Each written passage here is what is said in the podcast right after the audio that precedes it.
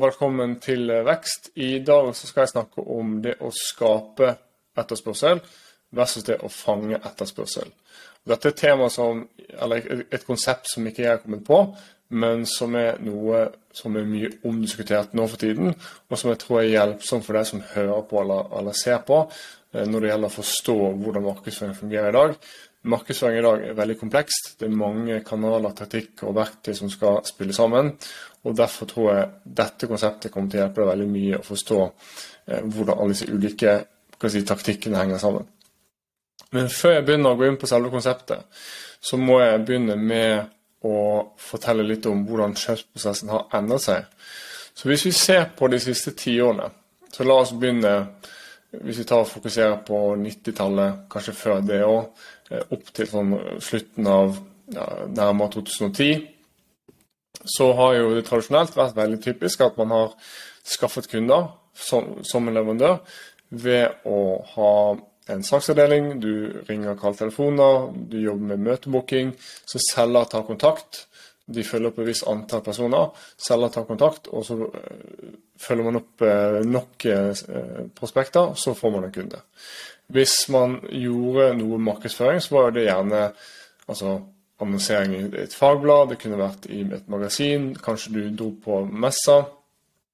Og så var det få kanaler, digitale kanaler som var utbredt. Du hadde kanskje Google eh, på slutten av 90-tallet, og det ble mer utbredt eh, på tidlig på 2000-tallet, men det var fortsatt ikke så sofistikert sånn som det er i dag.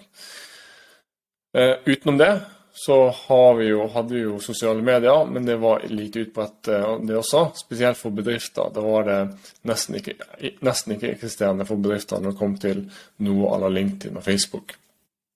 Så du måtte som kjøper gjennom en selger for å få tilgang og kjøpe et produkt, og for å få informasjon du trengte for å kjøpe det produktet eller den tjenesten. Og så, i rundt 2010 sånn cirka, så begynte jo det å florere med digitale kanaler. Det ble mer utbredt. Eh, altså algoritmen til Google begynte å fungere bedre.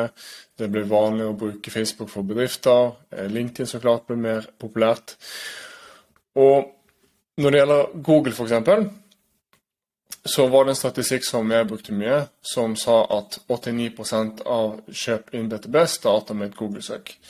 Eh, og det som skjedde, den store endringen som skjedde, var det at nå måtte man selge og markedsføre i større grad på kjøpers premisser.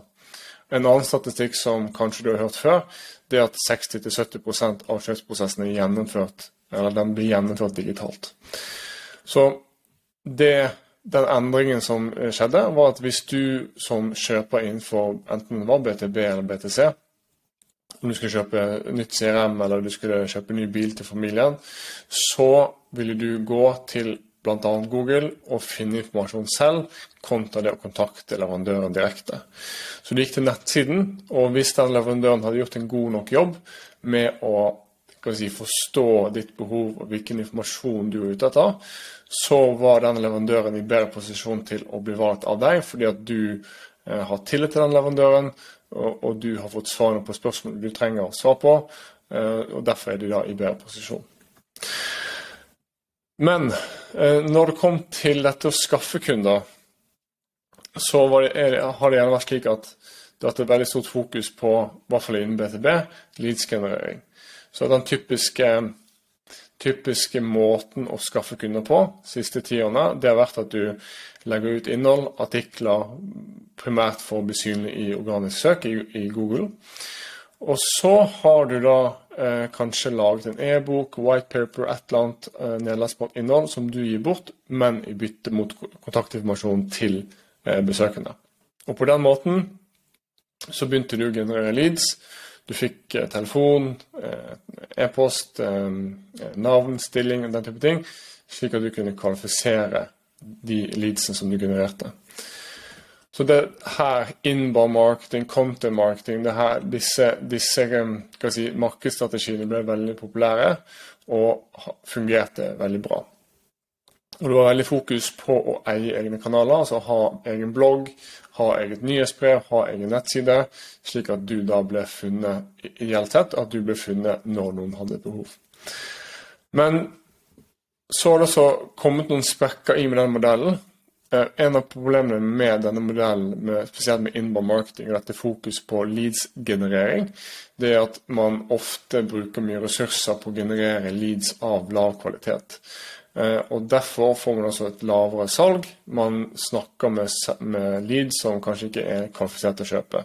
Og Det som er en av de store feilene mener jeg, med denne leads-genereringsmodellen, er at det at en person laster ned informasjon, det er ikke det samme som at de har intensjon om å kjøpe. Så Derfor får du kanskje fylt CRM-systemet med mange dårlige leads som aldri blir til kunder. Og Hvis vi ser på hvordan ting endrer seg igjen og hva som er på trendene på det som kommer. Hvis vi skal se frem til 2030 eller 2032, at vi ser ti år frem, så kommer trenden bare til å gå én vei, og det er at kjøpsprosessen vil bli enda mer digital. Og Vi ser egentlig allerede hvordan dette funker i praksis nå. Når vi ser på BTB og BTC, du kan f.eks. konfigurere bilen din på nett. Du slipper å gå syv-åtte ganger i på en, bilforhandler for å kjøpe bil. Du kan bare gjøre mye av jobben selv på nett. Eh, hvis du selger produkter, så kan du ha en form for produktkonfigurator. Så det er flere og flere industribedrifter som gjør dette på sin nettside. At eh, de har et produkt som kan modifiseres av besøkende, og så kan det, lede, det kan lede til et, et, at kjøper ønsker et, om et tilbud. Eh, du har f.eks. interaktive produktdemoer. Så for softwarebedrifter så har det vært veldig typisk at du skal eh, be om en demo av produktet, og så vil selgeren bruke tid på å gjennomføre en halvtimes demo med deg. Men det som skjer nå, som blir vanligere og vanligere, at du har en interaktiv demo, som gjerne ikke er bak et skjema, der du har falsk informasjon eller falsk data, men som ser ut som en ekte versjon av produktet. Så da kan du som bruker bare gå inn, se, se hvordan det ser ut, få en liten guide på hvordan produktet funker i praksis, og så slipper du å snakke med selgeren. Og tilbake til at 60-70 eh, av kjøpsprosessen er gjennomført før man kontakter med salg, eller snakker med salg. Eh, hvis man gjør en ny, ny studie nå, så vil sikkert det tallet være høyere, antar jeg. Jeg har ikke sett noe data og statistikk på det ennå, men jeg mistenker at det, det vil være tilfellet at mer og mer vil foregås digitalt. Og dette er da markedsansvar å utdanne kjøper underveis, slik at man kommer så godt informert og kvalifisert opp til det punktet at man er klar til å kjøpe. Så ser vi også på større trender som altså Vi har jo GDP, vi har Schrems 2, men også enda større trender som krypto. Trenden er jo at eh, dette med persondata, at vi skal ha bedre kontroll over våre egne data, og, den, og, vi begynner å bruke flere kanaler som er også vanskeligere å måle. Eh, vi bruker jo LinkedIn, det kan være selskapets intranett, altså, eh, det kan være Teams, det kan være Slack. Kanskje du hører på en podkast. Så denne kombinasjonen av at det blir strengere rundt bruk av persondata i markedsføring, og at man bruker flere kanaler til å konsumere informasjon før, før man er klar til å kjøpe, gjør ting ganske mye vanskeligere for bedrifter som ønsker å skaffe flere kunder. Så det, blir vanskeligere å, gjennomføre målrettet markedsføring rett og slett med de endringene som skjer. Og Kjøpere generelt ønsker ikke å legge igjen kontaktinformasjon lenger for å lese en e-bok. De ønsker bare å få fri tilgang til informasjonen og ha en god kundeopplevelse. Og de forventer at man skal ha relevant informasjon, at det er enkelt for de å kjøpe. Og hvis du skal kontakte en leverandør, så vet alle hvordan du gjør det. Du googler bare navnet på den leverandøren, og deretter så har du som regel en, en klar og tydelig knapp som sier eh, 'kjøp her', eller 'be om en demo', be om, eh, be om et tilbud. Eh, så folk flest vet hvordan de skal komme i kontakt med, kjøper, med, med, med en leverandør.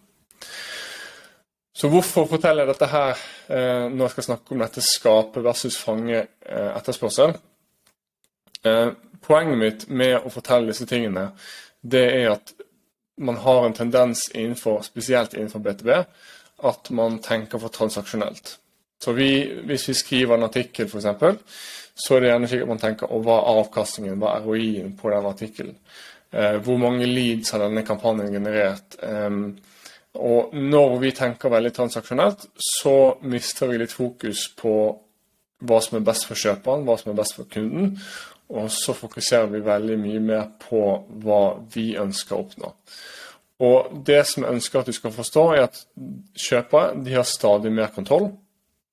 Og hvis du har en dårlig kundeopplevelse, og du tenker veldig transaksjonelt, f.eks. at du putter veldig mye informasjon inn bak et skjema, og du ringer de fem minutter etter de har lastet ned noe, da skaper du en dårlig kundeopplevelse, og da er terskelen veldig lav for å gå til neste leverandør eh, og din konkurrent.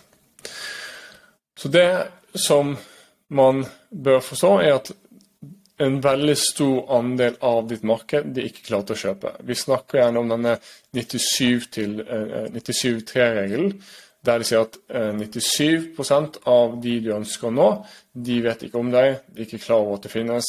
Eh, kanskje de bruker en konkurrent, eller så er de bare en dårlig match på budsjett og den type ting. Så målet med markedsføre bør være å primært utdanne de 97% som ikke klarte å kjøpe. Men som, så klart så må du også fange de 3% som er klarte å kjøpe. Og Det er det jeg skal snakke litt om.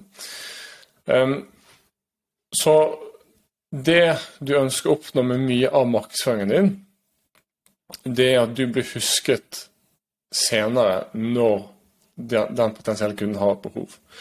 Uh, og spesielt i et konkurranseutsatt marked der det er mange aktører som leverer det samme, så er det ofte de som har den beste kundeopplevelsen, de som er gode på å utdanne markedet eller målgruppen. Det er ofte de som har best resultater. Så er spørsmålet hvordan skaper du etterspørsel for produktet eller tjenesten din? Som sagt, tenk på disse 97 som ikke klarte å kjøpe av deg. Og så målet ditt med markedsføringen å bli synlig, utdanne de slik at de husker deg.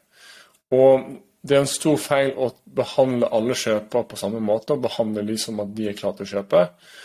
Og eh, en annen ting er at ingen kan kjøpe deg hvis de ikke vet om det. Så da er det en del taktikker du kan bruke for å skape eh, etterspørsel og på å bli mer synlig. Du kan f.eks. skrive innlegg på LinkedIn. Det kan være annonsering, altså mer merkebare byggende annonsering. Det kan være et webinar som har et mål om å ut, primært utdanne, ikke generere leads. Kanskje du har artikler som blir distribuert i sosiale medier. Eh, du lager en podkast sånn som denne, som du laster opp på eh, Spotify og iTunes. Du jobber med remarketing og retargeting. Og det kan være et nyhetsbrev til e-postlisten din. Og når du jobber med å skape etterspørsel, så er målet ikke en transaksjon. Det at du Målet er at du bygger tillit og synlighet.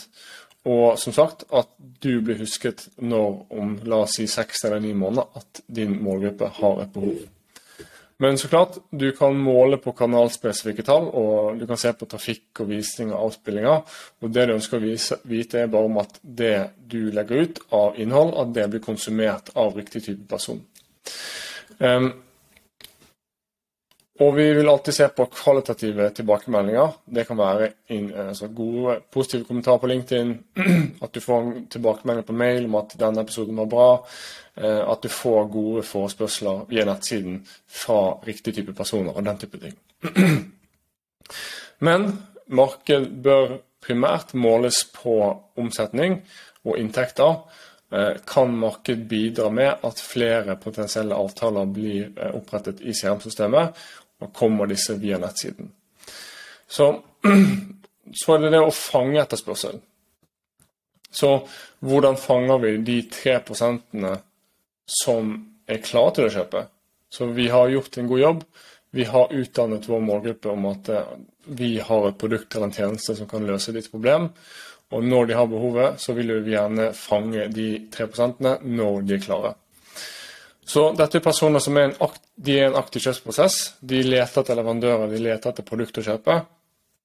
Og det er her at disse personene ofte søker Google, undersøker nettsidene, har møter. Eh, og det er her de ønsker å snakke med salg. Og det er her du kan begynne å tenke litt mer transaksjonelt. Så når du skal fange etterspørsel, så kan det være f.eks. Google Ads. Så igjen, hvis du f.eks. selger ERP-systemer for eh, helsebransjen, så byr du kanskje på ERP for sykehuset, ERP for helse. Eh, byr, og da kan du by litt høyere på de søkeordene, for det, verdien av et salg er veldig høy.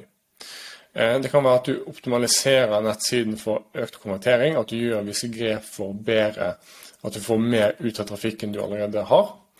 Det kan være at du har en møtekalender eller livechat eller skjema på nettsiden som gjør det enkelt for besøkende å kommentere. Eh, som sagt, interaktive produktdemoer, at du har en produktkonfigurator, at du har en ROI-kalkulator. Og når du skal måle effekten i, på dette stadiet, så da måler du med si, rundt det transaksjonelle. Så hvor mange salgskvalifiserte leads fikk du? Altså hvor mange ba om demo, om tilbud, om å snakke med salg? Antall salgskvalifiserte muligheter, dvs. Si antall avtaler du har i CM-systemet som kommer som et direkte resultat av markedsføring. Og så klart salg og omsetning som er lukket, som, som kommer fra markedsføring. Så det er litt sånn hvordan du kan tenke når det gjelder å kombinere si, det å skape synlighet og skape etterspørsel, og det å fange etterspørsel. Så det må være en balanse mellom ulike taktikker og kanaler. Kjøper bruker mange kanaler, mange eh, taktikker. Eller si, de kan bruke eh, Google, de kan bruke nyhetsbrev, de kan være i Slack, de kan være på Teams, kanskje se en annonse. Og de beveger seg mellom alle disse ulike kanalene. Eh, og det er veldig mange kontaktpunkter de går gjennom før de faktisk blir klare til å kjøpe. Og mange av disse kontaktpunktene de har, de er vanskelig å måle. Det er kanskje umulig for deg å måle eh, i det hele tatt. Så det er veldig vanskelig for deg å vite akkurat hvilke kanal, akkurat hvilke taktikk som funker best. Så det du må se på, er jo totalen. Får du flere kvalifiserte salgsmuligheter, eh, og får du en skal si, er avkastningen din høyere enn den totale investeringen i markedsføringen.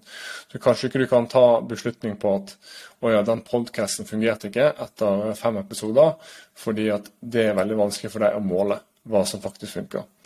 Ehm, men så du må ha noen aktiviteter som skaper synlighet. Som sagt, ingen, vet, ingen kjøper deg hvis ikke du vet om deg. Så du trenger, liksom, du trenger den podkasten eller artikler eller, um, eller videoer på YouTube for å skape den etterspørselen. Og så bruker du Google Ads, nettsiden din, til å fange den etterspørselen. Så tenk alltid på intensjonen bak hva kjøperne vil. Ønsker de å bli utdannet, eller ønsker de å snakke med en selger? Og Det er liksom de to tingene du må balansere. Så Det er alt jeg hadde å si i dag. Jeg håper det var hjelpsomt. Hvis du har noen ideer eller spørsmål rundt eh, tematikk du ønsker at jeg skal ta opp, send gjerne en mail til eh, torstein.nettliv.no. Det er da Torstein med TH. Eh, hvis ikke, så ses vi da neste gang. Hei.